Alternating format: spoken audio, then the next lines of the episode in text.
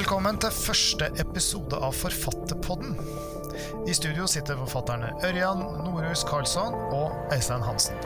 Og eh, Forfatterpodden det er podkasten for deg som har lyst til å skrive, eller som allerede skriver, og som trenger litt tips eller motivasjon for å skrive videre. Eller bare ønsker å høre hvordan andre forfattere jobber. For er det én ting som er sikkert, så er det at det er nesten like mange metoder og skrivestiler som det er forfattere.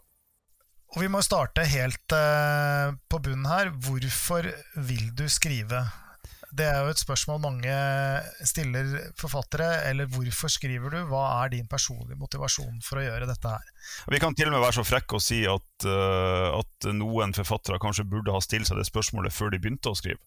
Hvis jeg skal begynne på et, uh, en liten teori, da, så er det sånn at jeg tror mange mennesker har tanker i hodet som kan struktureres til historier. Uh, noen av oss har kanskje en bedre og større evne til det enn andre, det, hva vet jeg.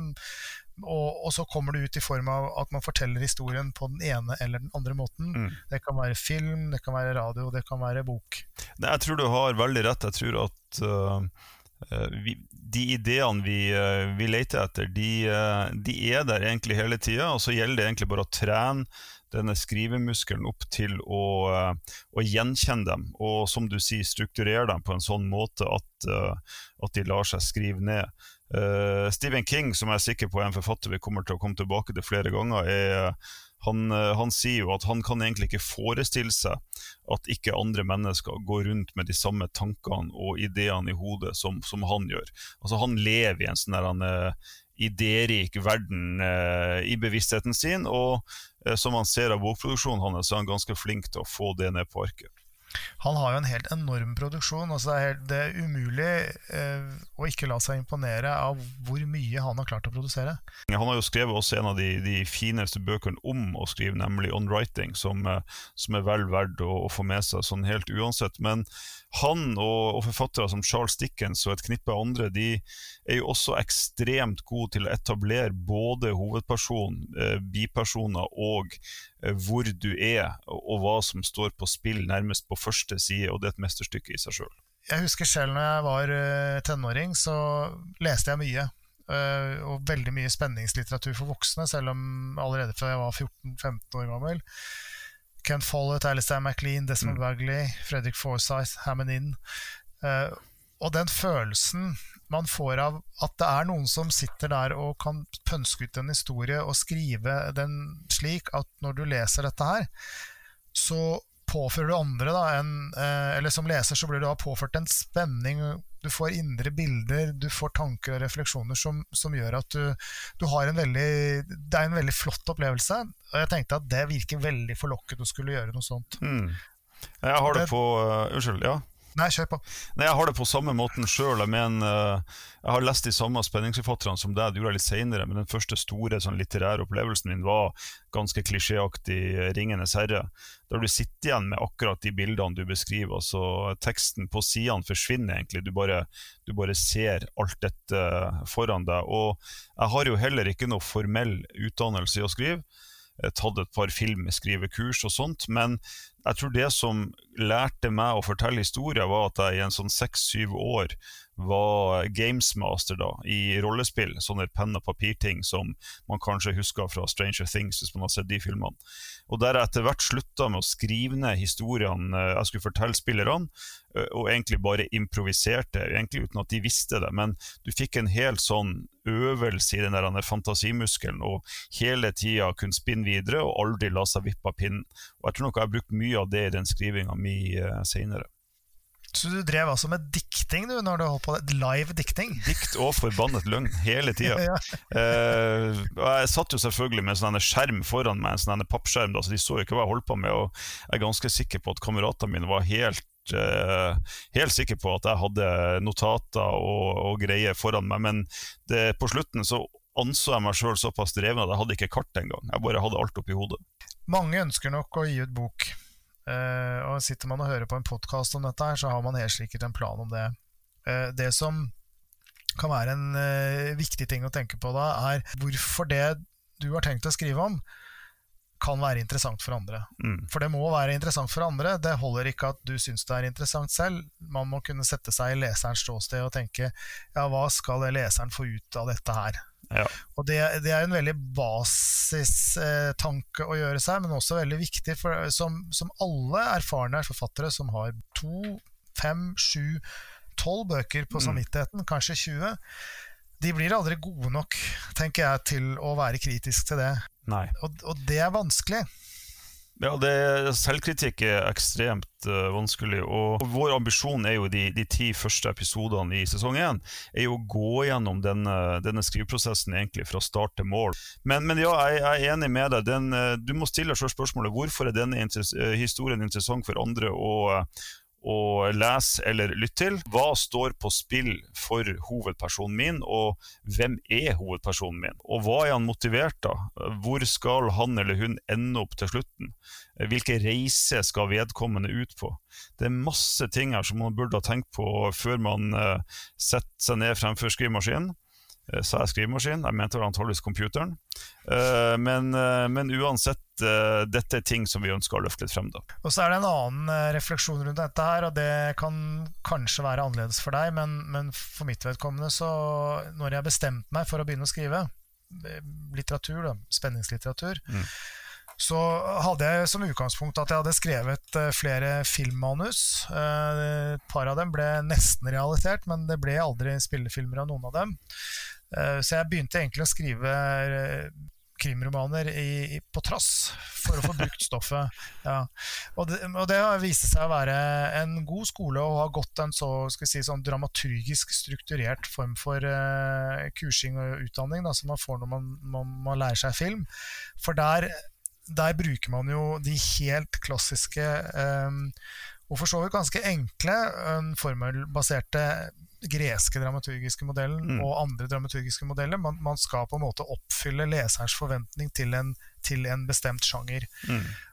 Men skal man begynne å skrive noe, så kan man like gjerne begynne der, fordi at det da finnes det veldig mange knagger og veldig mange steder å hente informasjon for hvordan dette bør gjøres som håndverk. Ja. Nei, jeg er enig, og vi, vi snakka jo egentlig om den klassiske aristoteliske treakteren her. Uh, som, uh, som, gir uh, en, en, struktur. Og det interessante med den er jo at de aller fleste, i alle fall alle de av oss som har vokst opp i Vesten og har lest stort sett bare vestlig litteratur, vi, vi bruker denne strukturen på fortellerformen vår som nærmest automatisk. Det er sånn man forteller en, en, en, historie. Den har en begynnelse, den har en midt, den har en slutt.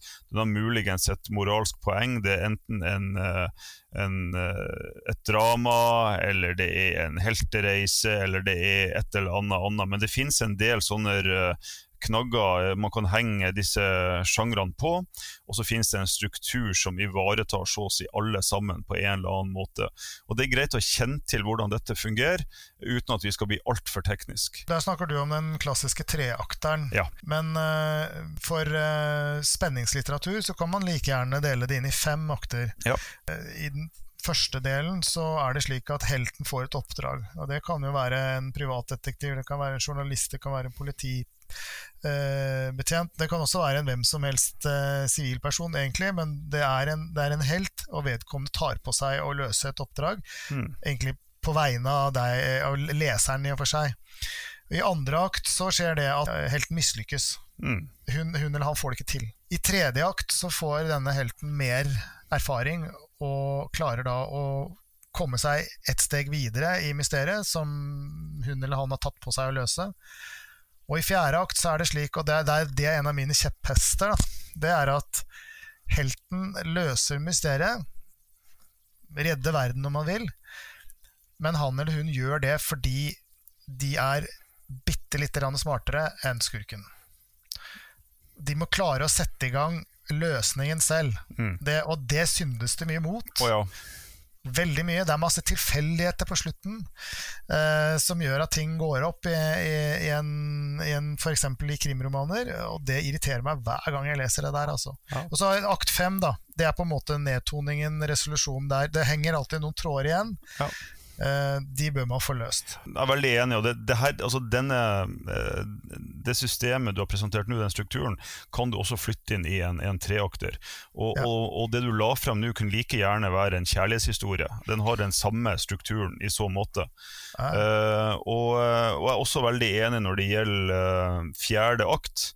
Uh, du, det er altfor mange, særlig krimromaner, der du, du, du merker at helten virkelig er slit, du er veldig spent på hvordan det skal løses, og så blir det løst fra noen tilfeldigheter på, på utsida eh, av, av handlinga ofte. Så kanskje det til og med dukker opp en ny person som du ikke har møtt, og som kommer med et eller annet hint som gjør at dette går opp. Og Det man skal tenke på da, er eh, det engelske ordet for dette er agency. Altså det er helten som skal bevege verden han eller hun er i. Det er han som til slutt skal trekke ut den siste tråden og si seg her, det er sånn det henger sammen. Det er slik det blir. Jeg har løsninger. Uh, og, uh, og, hvis du da setter deg ned og planlegger en historie som du ikke får til å gå opp, så betyr det egentlig ikke noe annet enn at du må sette deg ned og gjøre det på nytt. Uh, til du får det til å gå opp. og så er det ofte en annen ting som er litt viktig i en sånn fem- eller treakterstruktur. Det er at helten forandrer seg ofte underveis. Han har lært noe nytt. Hun eller han har, ser plutselig verden med litt nye øyne.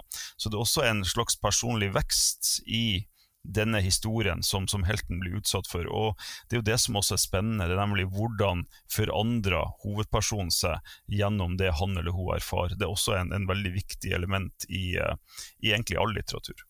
Det er karakterbuer. Ja. Altså de, du, du, møter en karakter eh, eller en skikkelse da, i en bok først, og så eh, kan vedkommende kanskje framstå som ganske ufordragelig, f.eks. Eh, og etter hvert så, så, ender man opp med at eh, disse menneskene får ny erkjennelse.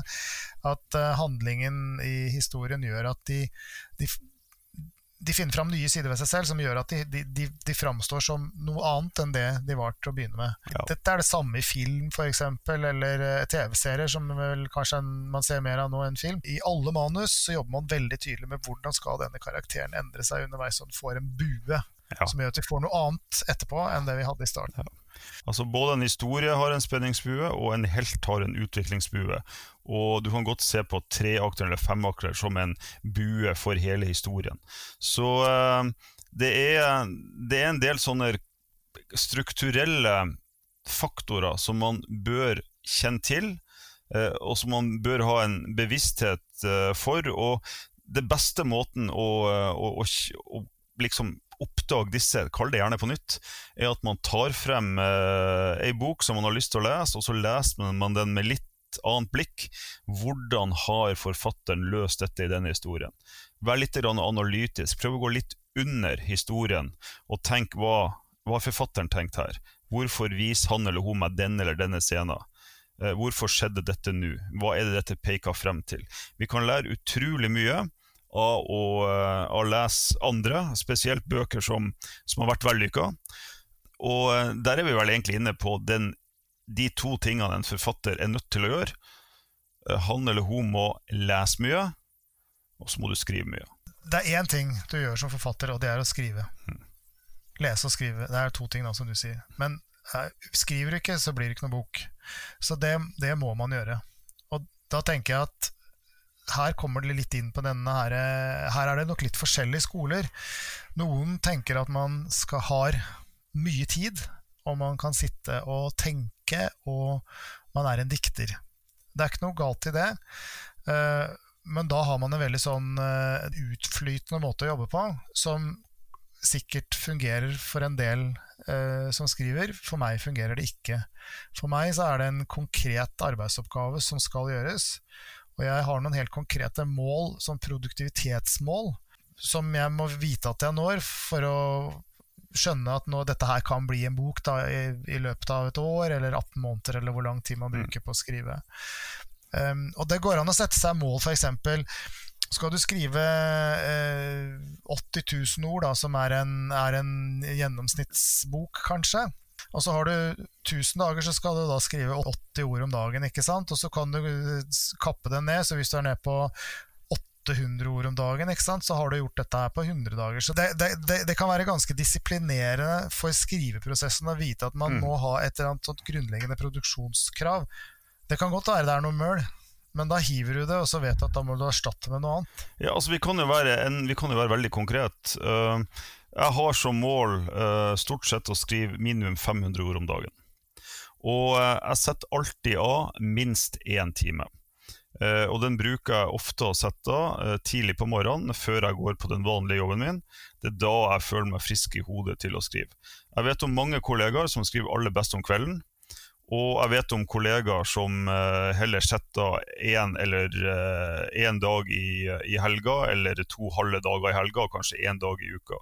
Men det viktige her er at du, du, virke, du som lytter på nå, hvis du virkelig mener noe med dette, så må du gjøre en avtale med deg sjøl. Uh, skriv det gjerne i kalenderen din der det står at 'nå skal jeg sette meg ned og skrive'. Og hvis du sitter der fremfor PC-en, og det ikke skjer noen ting, vel, Gå tilbake og se på noe du har skrevet tidligere. Gjør det bedre. Eh, skriv litt i margen. Eh, du kan alltids bruke den tida du har satt av, til noe. Og hvis du gjør dette lenge nok, så blir det en vane, og hvis det blir en vane, så er det lettere å komme i gang. Mm. Jeg er helt enig. Hva med skrivesperre, spør folk. Og Det kan jeg med hånden på hjertet si at det har jeg aldri hatt. Eh, jeg vet at det skal skrives, og selv om det endte med å bare skrive denne, I dag skrev jeg bare 200 ord. Mm. Så har jeg skrevet, men så har jeg brukt tiden til andre ting, som du sier. Enten det er å se revidere det du har gjort før. Det kan alltid bli bedre. Det er jo fine med dette her, at, at du kan aldri bli utlært, og alt kan bli bedre. Uansett hvor bra det er, så kan det bli bedre. Uh, så det, vi kan komme tilbake til det kunsten å stoppe etter hvert òg. Når er det bra nok? Men, men det er alltid også andre ting du kan gjøre som er relatert til prosessen med å skrive. Eh, du kan gjøre research. Du kan, og det kan du gjøre enten på nettet, selvfølgelig, eller du kan lese ting, du kan se ting. Du kan på en måte få, gjøre ting som gjør at du kommer videre i eh, skriveprosessen din. Og vi som holder på med plottdrevne ting, da har jo alltid et eller annet der som skurrer en eller annen utfordring vi er nødt til å løse. En praktisk, ja, teknisk, altså logisk ting. Det er en enorm logisk eh, tankeprosess å skrive en bok. I hvert fall hvis det er en spenningsroman. Eh, og så En annen ting her som går over på biologien. Eh, noen har kanskje hørt den, uh, dette teoremet som går ut på at hvis du gjør en ting 10 000 timer, uh, så blir du god i den. Eller for å bli god i noe spesielt, så må du i alle fall holde på med det i 10 000 timer. Uh, 10 000 timer er nok mer interessant uh, satt frem som et sånn rundt greit tall. Men om du har spilt gitar, eller om du har spilt piano, eller om du har vært en røver til å, uh, til å trikse med fotball, så vet du at alt dette tar tid.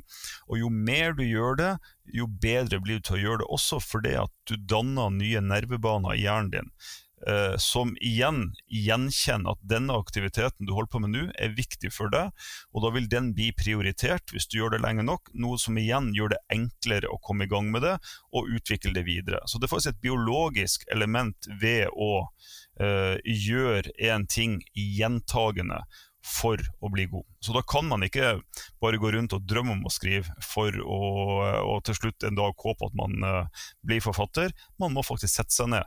Og så må man skrive uhorvelige mengder med, med dårlige historier før man kommer på sporet av den første gode. Mm.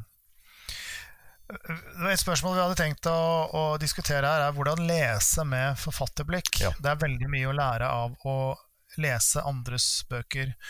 Eh, særlig de gode. Det er en grunn til at noen er klassikere og andre ikke, og det er fordi at det er gjort særdeles bra, det vi snakker om nå. Og det kan man lære veldig mye av. Ja. Hvorfor er dette bra? Hva er det denne forfatteren gjør som, som, fører til at hans tekst eller hennes tekst har en sånn klo? Den forfører deg på en måte som gjør at det er helt umulig å legge det til side. Og det går det an å finne ut, for du kan spørre deg selv hvorfor blir jeg sittende her og lese dette, hvorfor er jeg, hvorfor er jeg så spent nå, hvorfor rører dette meg sånn? Det vet du selv, det skjønner du selv. Klarer man da å overføre det til det man selv skriver, eller i hvert fall strekke seg mot det, mm. så har man lært noe av de store. Ja. Uh, et enkelt spørsmål du kan stille deg. Uh, hvis man skriver, la oss uh, snakke om spenningssjangeren i dag. Vi kommer til å snakke om andre sjangre også etter hvert. Men uh, spenningssjangeren har to ting som uh, hvis ikke de er på plass, så, så, faller hele greia sammen. Det ene er at den må ha et, et plott, altså en handling, som er interessant. Men det viktigste er at den må ha en hovedperson og et knippe bipersoner som uh, driver denne handlinga fremover, og som du er nysgjerrig på. Uh, og det du må stille spørsmålet da, hvis du har en favorittbok eller er i ferd med å lese noe som du har fått anbefalt og som du vet er bra, er hva er det med denne hovedpersonen som gjør at jeg er nysgjerrig på han eller hun? Hva er det ved vedkommende? For det, det er ikke noe problem å peke på bøker der, eh, der hovedpersonen er ganske så uinteressant og todimensjonal. Så hva er det forfatteren gjør for å få vedkommende til å liksom vokse frem av sidene? Og det neste er jo da plottet. Så hvorfor er dette plottet engasjerende? Hva er det som gjør at jeg kan ikke vente til å bla om og, og begynne på nytt kapittel? Det er en god del ganske sånne enkle grep man kan bruke. Eh, og så er det en god del som rett og slett bare handler om å skrive godt og engasjerende. Og Vi skal komme inn på begge tingene i, i løpet av disse første ti episodene. Jeg har eh, ofte for vane å, lese den første setningen i en bok mm. med en viss skepsis. For jeg tenker den, den må få meg med. det første du leser, det må være noe som gjør at ja, her, her, er det noe. Så jeg har Et eksempel på en sånn setning som jeg syns er godt løst. Yep. Det er eh, en forfatter som ikke er så kjent i Norge, som heter John Burdett. Det er en brite han bor i Thailand. I hans debutbok, som heter Bangkok Tattoo, den er ikke oversatt, tror jeg. Åpner slik Killing customers just isn't good for business. da tenker du ja, men dette her må jeg finne ut av. Jeg har en som er nesten like bra. Ja, ja, ja. Det er uh, The Crow Road av Ian Banks.